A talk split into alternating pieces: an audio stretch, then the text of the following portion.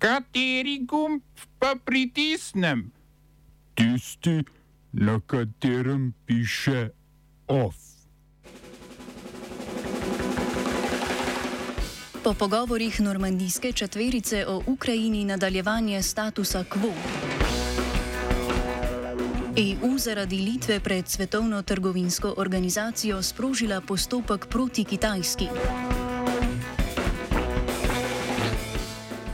Polskem umrla nosečnica, ki naj bi ji zdravniki ne bi želeli opraviti splava.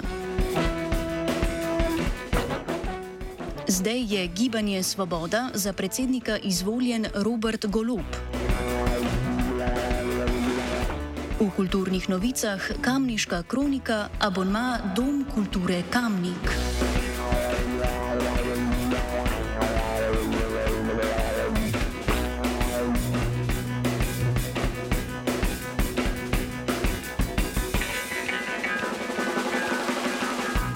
Rusija in Ukrajina sta se dogovorili o ohranitvi premirja na ukrajinskem vzhodu in potrdili zavezanost k nadaljnim pogovorom.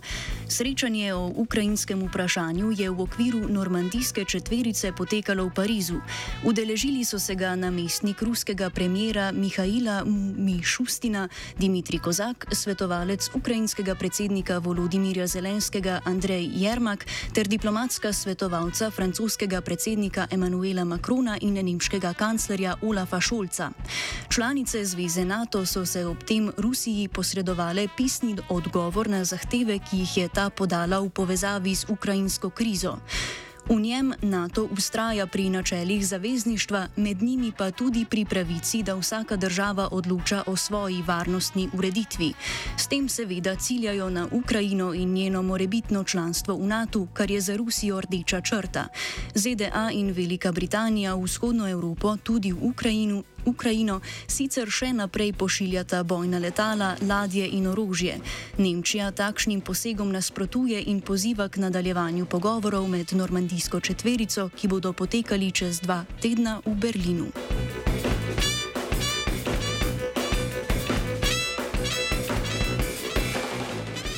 Zaradi vojaškega udara v Burkina Fasu se bodo jutri na izrednem virtualnem zasedanju sestale članice gospodarske skupnosti zahodnoafriških držav.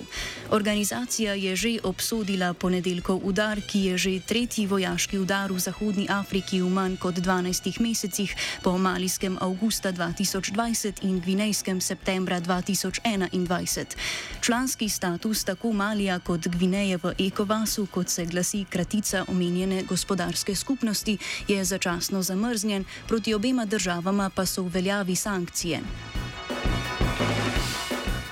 V prestolnici Burkina Fasa v Agadugu je medtem potekal shod v podporo odstranitvi zdaj aretiranega predsednika Ruka Kaboreja in vojaškemu prevzemu oblasti, ki se ga je udeležilo več sto ljudi. V množici je bilo opaziti malijske in ruske zastave. Te naj bi služile kot poziv k oblikovanju vojaške vlade po malijskem vzoru, ki je nedavno še poglobila vezi z Rusijo, ko se je dogovorila za prihod plačacev, plačancev družbe Wagner za boj proti islamističnim milicam.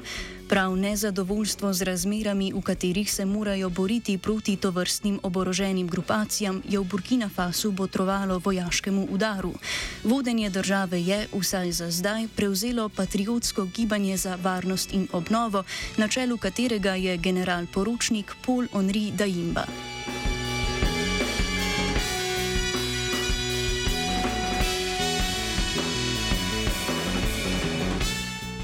Evropska unija je pred Svetovno trgovinsko organizacijo sprožila postopek proti Kitajski glede gospodarskega pritiska, ki ga država izvaja na Litvo zaradi njenih stališč o Tajvanu. Kitajsko-litvovski spor se je pričel junija lani, ko je Litva Tajvanu prestolnici Vilna dovolila odprtje predstavništva na plošči pročelja, katerega se nahaja zapis Tajvan na mesto Tajpej, kot je praksa drugot po svetu. Poimenovanje, ne pa tudi odprtje predstavništva, je litvanski predsednik Gitanas Navseda kasneje označil za napako. Kitajska se je odzvala z ohladitvijo diplomatskih odnosov z Litvo in blokado uvoza iz te države. Spor se je zaostril s predstavitvijo večmilijonskega sklada za naložbe, ki ga je januarja v Litvi ustanovil Tajvan. Sklad naj bi med drugim ulagal v lit litovsko, polprevodniško, lasersko in biotehnološko industrijo.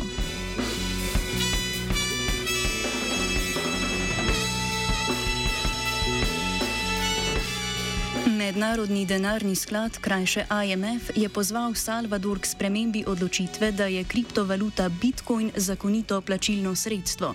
Septembra lani je ta srednjeameriška država postala prva na svetu, ki je potrošnikom dovolila uporabo Bitcoina v vseh transakcijah.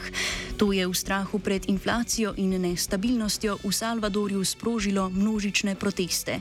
Ob uvedbi kriptovalute kot zakonitega plačilnega sredstva je država vsakemu državljanu ob naložitvi spletne denarnice podarila 30 ameriških dolarjev, po državi pa je postavila več kot 200 novih bankomatov. IMF je zato salvadorskega predsednika Najiba Bukeleja pozval k spremembi te odločitve, obenem pa je zatrdil, da bo Salvador od sklada težko dobil posojilo v primeru izgube vrednosti kriptovalute. Bitcoin je recimo od vrha v začetku novembra izgubil več kot 40 odstotkov vrednosti.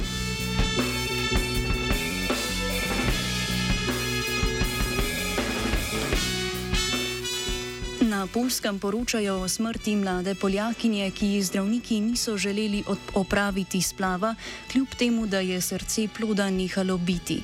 37-letna Agnieszka T. je v prvem trimesečju svoje nosečnosti nosila dvojčka. Konec decembra je obiskala bolnišnico v mestu Čestohova zaradi bolečin. 23. decembra je prvemu plodu prenehalo biti srce, a ga zdravniki niso želeli odstraniti. Pri tem so se sklicevali na zakonodajo zakonodajo, ki prepoveduje poseg abortusa. Ta je dovoljen le v primeru ogroženosti življenja in zdravja matere, ter v primeru utemeljenega suma, da je nosečnost posledica posilstva ali incesta. Teden dni kasneje je srčni utrip nehal biti tudi drugemu plodu, a so zdravniki s prekinitvijo nosečnosti čakali še dva dni. Agnieszka je umrla 25. januarja, v družini pa kot razlog navajajo septični šok. Zdravstveno osebje v uradni izjavi razloga za smrt ni navedla, a je namigovala, da je nosečnica trpela za Krautsfeld-Jakobovo boleznijo, poznano tudi pod imenom bolezen norih krav. Bolnišnica je zapisala tudi, da je nosečnica zbolela z virusom COVID, kljub temu, da sta bila oba testa, ki ju je izvedla pred prihodom v bolnišnico, negativna.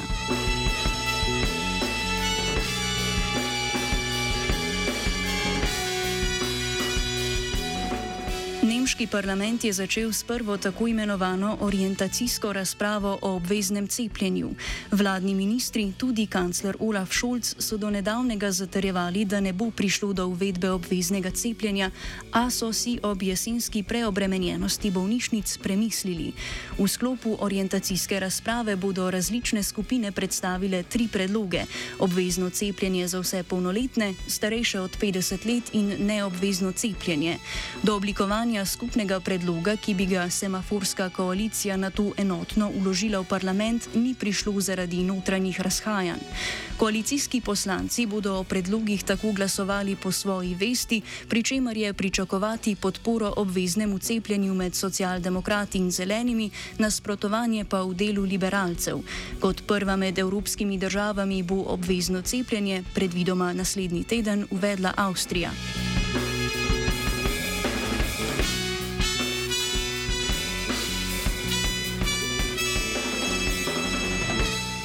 Črnogorski časnik Vesti je objavil temeljni sporazum med državo in Srpsko pravoslavno cerkvijo. Za razliko od prejšnjih pogajanj so tokrat pogajanja potekala med črnogorsko vlado in vodstvom Srpske pravoslavne cerkve v Beogradu in ne metropolijo Črnogorsko-Primorsko, ki ima sedež v Cetinjah. Dokaz dokument priznava prisotnost in ulogo Srpske pravoslavne cerkve v Črni Gori od časov apostolov dalje in zatrjuje njeno pravno kontinuiteto. Vlada ni pristala na zahteve cerkve po uvedbi dodatnih verskih praznikov med dela proste dni.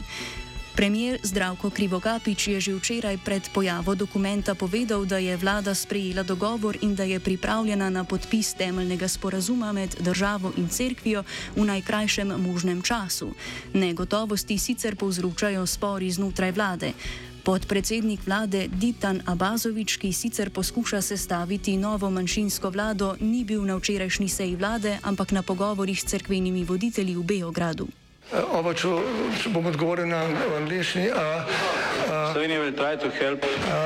We can Slovenija will and we will do our utmost To say that the situation is our problem ourselves. and uh, We will make further steps as soon as the conditions are bomo vlado Marjana Cererja, Mira, Marjana Cererja Šarca podprli. uh, very, very serious. we know how and we will. Robert Golob je uradno vstopil v politiko. Izvoljen je bil za predsednika stranke Gibanja Svobode, ki se je preimenovala iz stranke zelenih dejanj, krajše zdaj. Podpredsednica stranke je postala nekdanja okrajna ljubljanska sodnica Urška Klakočar Zupančič, predsednica sveta stranke pa bo kardiologinja Mirta Kožel. Na tiskovni konferenci, ki je potekala ob robu kongresa stranke, je Golob pojasnil, zakaj so se odločili za poimenovanje gibanje. Namenoma smo uporabili izraz, ki se mu reče gibanje, ker želimo s tem pokazati to, da nismo navadna ali klasična stranka, da smo drugačni. Programska izhodišča postajajo podobna, a je močnejša od teh, ki jih je imel zdaj. Podnebna agenda je agenda, ki je meni pri srcu neizmerno. Podnebna agenda je tista, za katero verjamem, da je najbolj ključna za bodočnost. Zato pa ne moremo obežati niti temu, da se zelo resno spoprijememo z zdravstveno krizo, s COVID-om in z zdravstvom kot takim, in pa da naslovimo vse izzive medgeneracijskega dialoga.